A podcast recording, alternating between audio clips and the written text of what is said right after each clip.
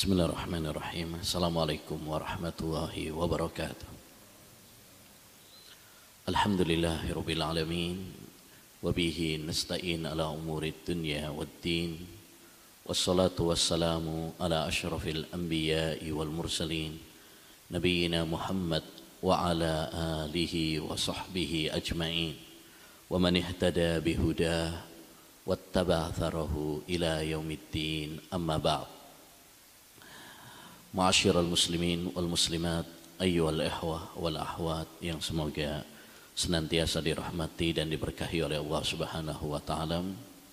Alhamdulillah Allah Subhanahu wa taala memberikan taufik dan kemudahan kepada kami untuk kembali berziarah silaturahim di masjid ini dan di Lumajang insyaallah taala. Uh, ayyuhal ikhwah wal ahwat yang semoga dirahmati oleh Allah Subhanahu wa taala. Kita semuanya tentu menginginkan untuk menjadi orang-orang yang baik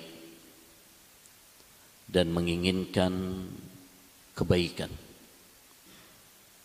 Kita berharap menjadi orang-orang yang dipilih oleh Allah Subhanahu wa taala mendapatkan kebaikan di dunia dan di akhirat. Namun bagaimana kiat langkah menuju hal itu?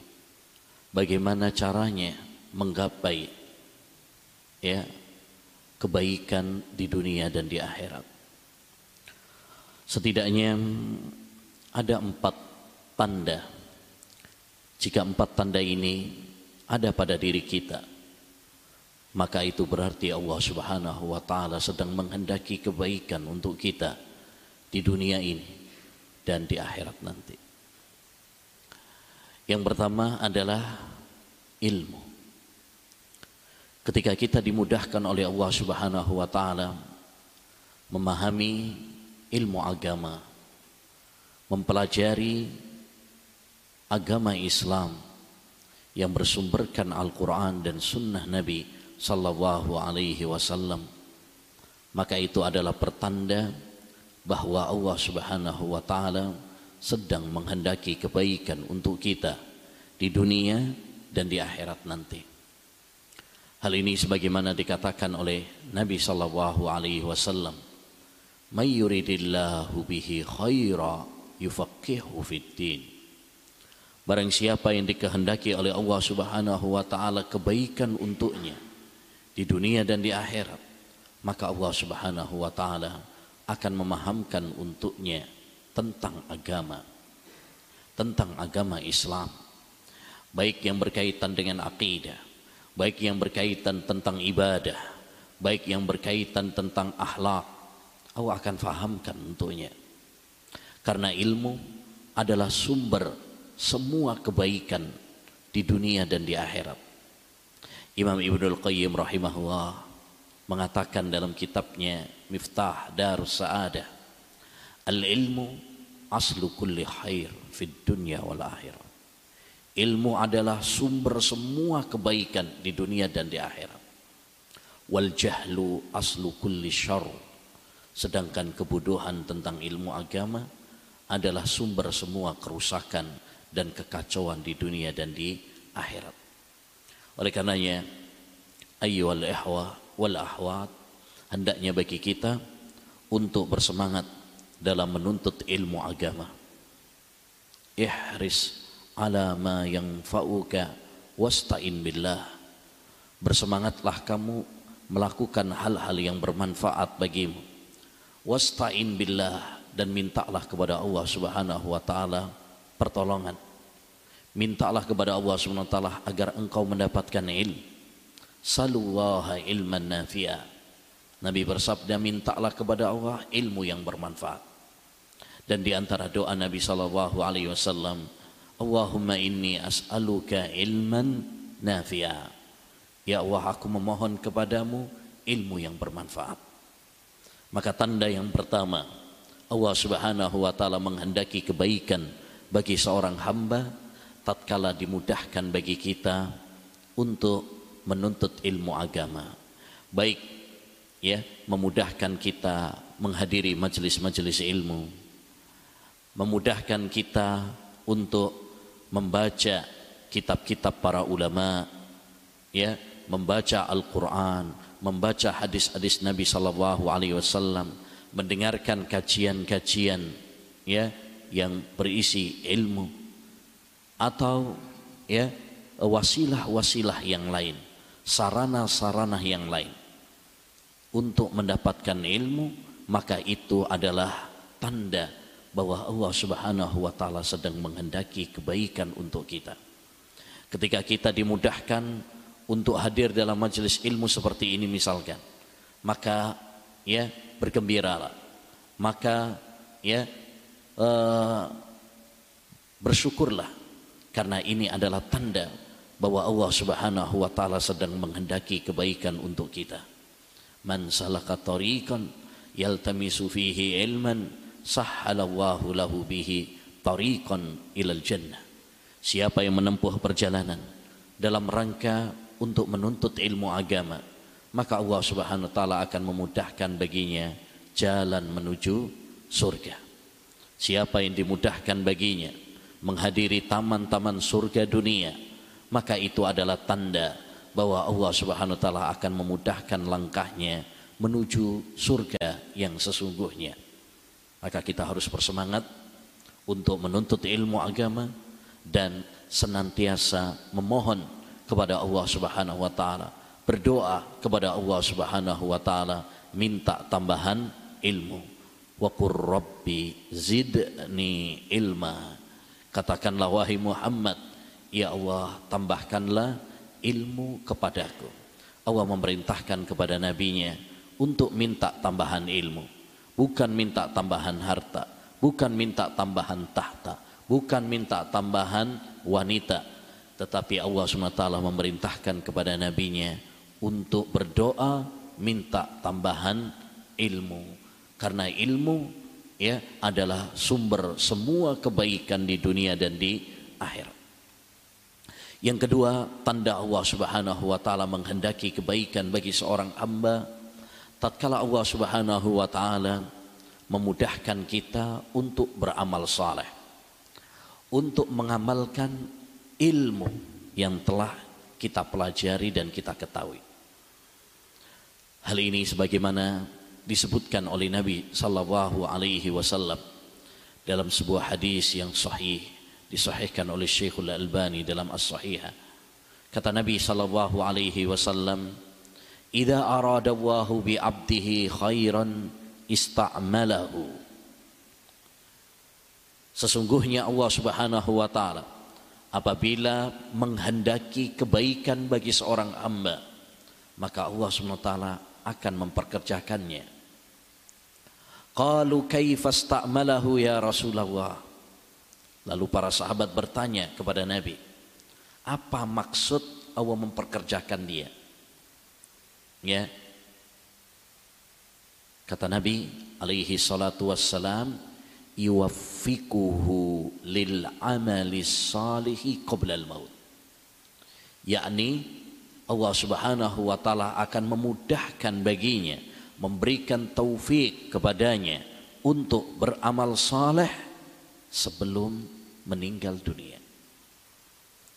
Jadi, ketika Allah Subhanahu wa taala memudahkan langkah kita untuk beramal saleh, untuk melakukan amal-amal kebajikan, untuk mewujudkan ketakwaan kepada Allah Subhanahu wa taala, untuk mengamalkan ilmu yang telah kita pelajari, itu adalah tanda bahwa Allah Subhanahu wa taala menghendaki kebaikan untuk kita di dunia dan di akhirat.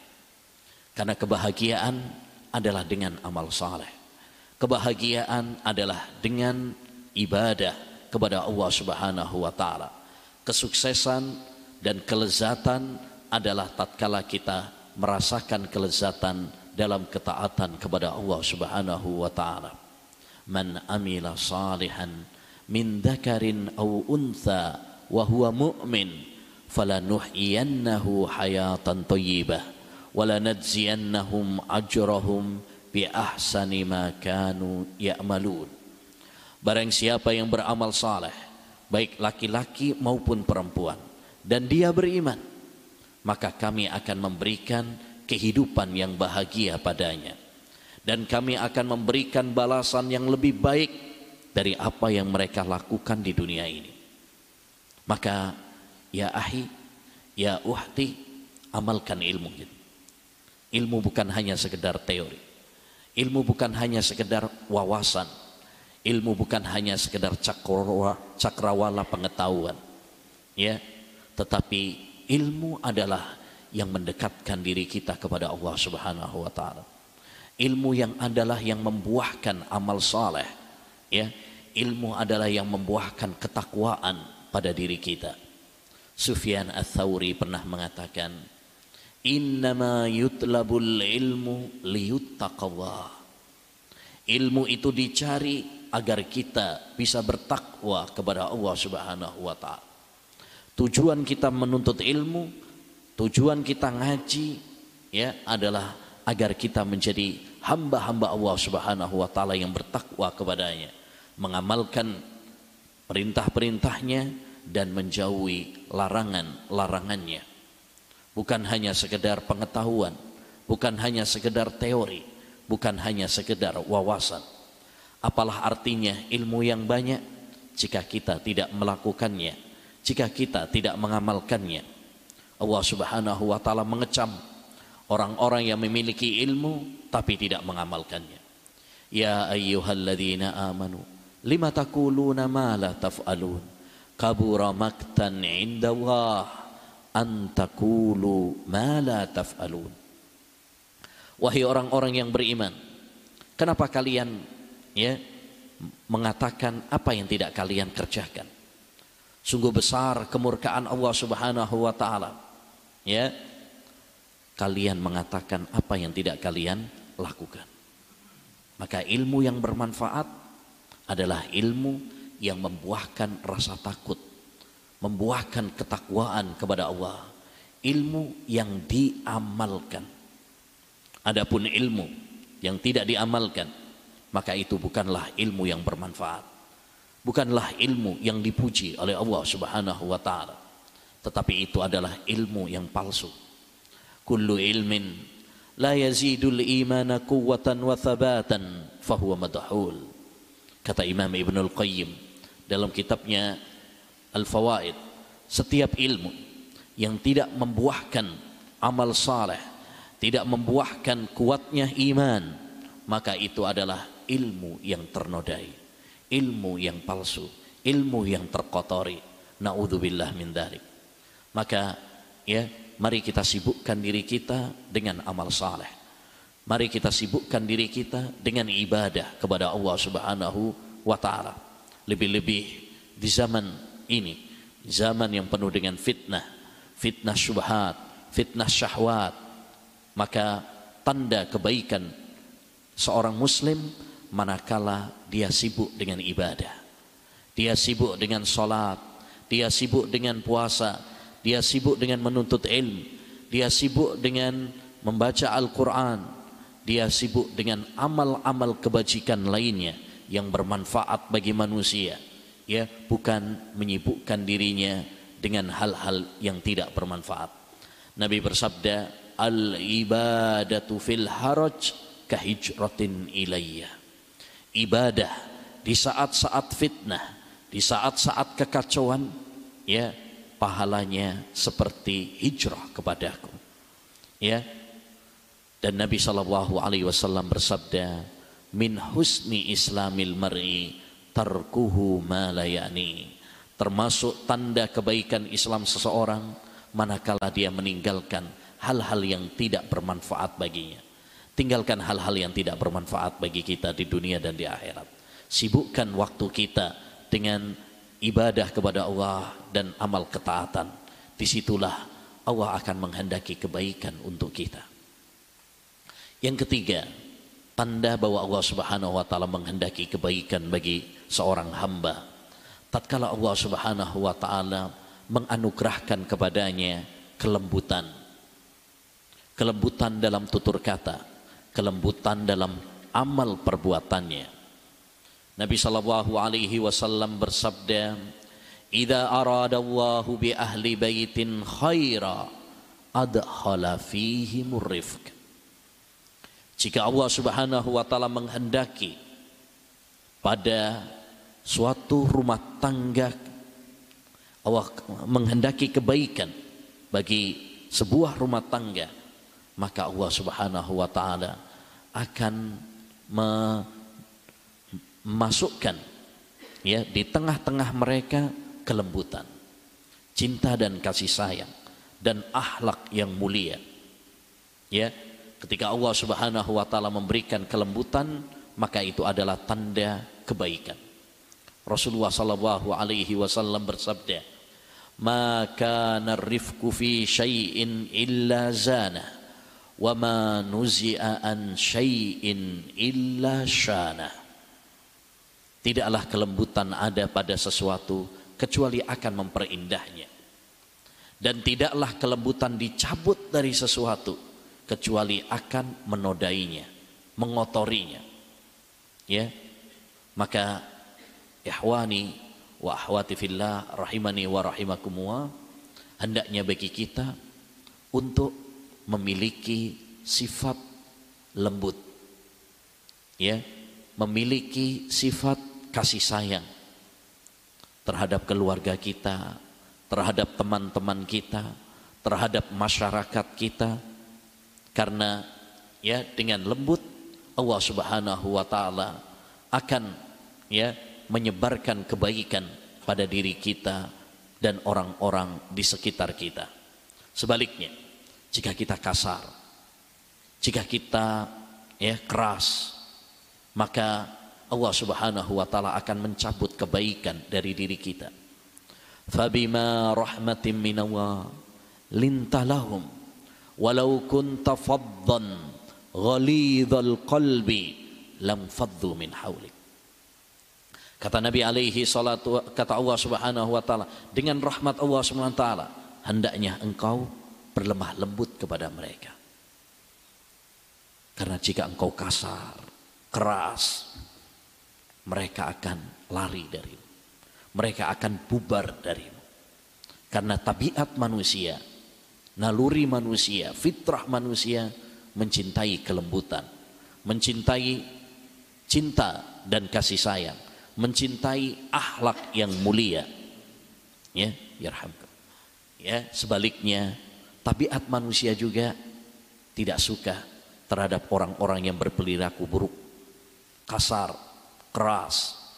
Lebih-lebih ya ketika kita berhadapan terjun di tengah masyarakat maka kelembutan akhlak yang mulia adalah prioritas akhlak yang harus kita miliki ya karena secara umum masyarakat kita adalah awam jauh dari agama jika kita menyampaikan kepada mereka dengan keras, dengan kasar, maka ya mereka akan lari dari dakwah ini. Maka jangan membuat manusia lari dari dakwah. Syekhul Albani rahimahullahu taala pernah menasehatkan Inna da'watana da'watul haq wal haqqu 'ala nufusi sakil Fakaifa idza adhafta siqalal haqqi ma'a siqalil uslub. Sesungguhnya dakwah kita ini dakwah salafiyah, dakwah halus sunnah wal jamaah adalah dakwah yang benar. Dan kebenaran itu berat di hati, diterima oleh orang. Lantas bagaimana jika engkau menyampaikan kebenaran ini dengan cara yang kasar? Kita sampaikan dengan cara yang lembut saja belum tentu orang menerima. Apalagi jika kita menyampaikannya dengan cara yang keras, kasar. Maka hendaknya bagi kita untuk menampakkan akhlak yang mulia. Untuk menampakkan kelembutan. Untuk menampakkan sisi cinta dan kasih sayang kita kepada ya manusia. Ya, terutama kepada keluarga kita. ya pada istri kita, pada anak-anak kita. Mari kita tunjukkan akhlak yang baik, akhlak yang lembut, akhlak yang cinta dan sayang kepada mereka. Nabi bersabda, khairukum khairukum li ahlihi wa ana khairukum li ahli. Sebaik-baik kalian adalah yang paling baik dengan keluarganya. Dan saya adalah orang yang paling baik dengan keluarga saya. Ya. Maka tanda yang ketiga bahwa Allah Subhanahu wa taala menghendaki kebaikan bagi seorang hamba tatkala Allah anugerahkan kepadanya ya kelembutan, cinta dan kasih sayang serta akhlak yang mulia hurrima 'alan nar kullu hayyinin layyinin qaribim minan nas. Ya diharamkan atas neraka setiap orang yang lembut setiap orang yang gampang dan setiap orang yang dekat dengan sesama manusia. Akhlaknya baik ya hatinya bersih. Dia menginginkan kebaikan untuk orang lain. Dia tidak menyakiti orang lain. Dia ramah, dia lembut ketika ketemu dengan orang lain. Lebih-lebih ya terhadap saudara-saudara kita sesama ahlus sunnah wal jamaah. Hendaknya bagi kita berlemah lembut terhadap mereka. Hendaknya bagi kita untuk ya berkasih sayang terhadap mereka. Ya, eh, Hasan Al Basri pernah mewasiatkan kepada kita Ya ahla sunnah taraffaku fima bainakum fa innakum aqallun nas. Wahai ahlus sunnah, hendaknya kalian berlemah lembut sesama kalian. Karena kalian adalah orang yang paling sedikit jumlahnya. Jangan sampai kita yang sedikit jumlahnya kemudian ya bentrok antara satu dengan yang lain. Ya, oh, berpecah belah antara satu dengan yang lain bermusuhan antara satu dengan yang lain. Ya, mari kita menjaga uhuwah Islamiyah, persaudaraan di antara kita, ya, dan kita hindari segala celah yang memecah belah persatuan di antara kita. Yang terakhir, tanda kebaikan bagi seorang hamba adalah tatkala Allah Subhanahu wa taala memberikan sabar kepadanya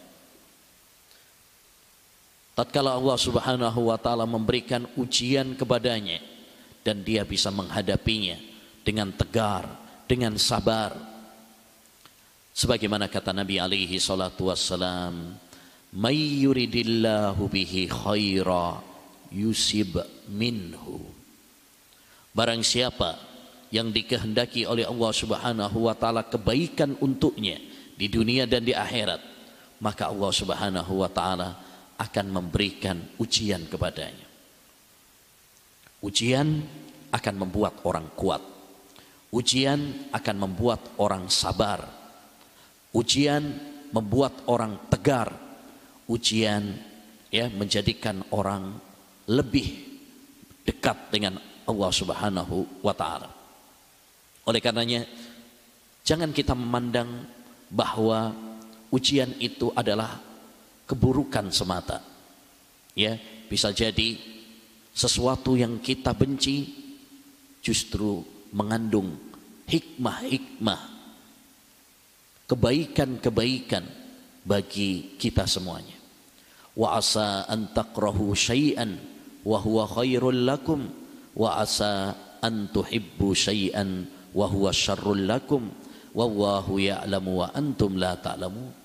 Bisa jadi kalian membenci sesuatu padahal itu baik bagi kalian. Bisa jadi kalian mencintai sesuatu padahal itu buruk bagi kalian. Allah Subhanahu wa taala mengetahui sedangkan kalian tidak mengetahui. Ya.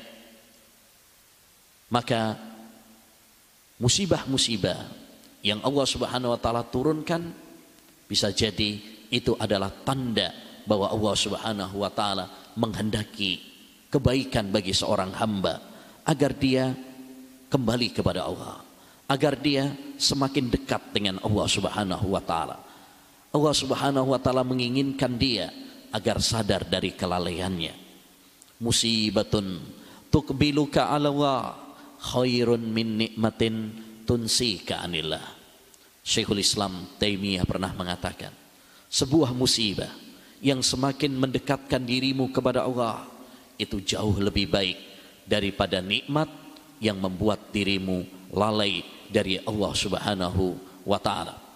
Maka ketika kita diberi musibah ya, maka itu adalah tanda bahwa Allah Subhanahu wa taala menghendaki kebaikan untuk kita. Manakala kita sabar, mana kita manakala kita tegar, manakala kita kuat ya. Rasulullah sallallahu alaihi wasallam bersabda, "Ajaban li amril mu'min, inna amrahu kullahu khair." Sungguh indah urusan orang-orang yang beriman. Semua urusannya baik baginya.